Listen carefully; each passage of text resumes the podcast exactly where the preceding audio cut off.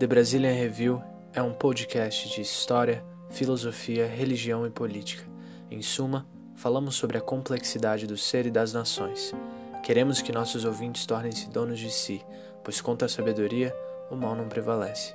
Sejamos nós, pois, frutos saudáveis em um mundo que busca tão somente a sua autodestruição. Sejam bem-vindos. O show já vai começar.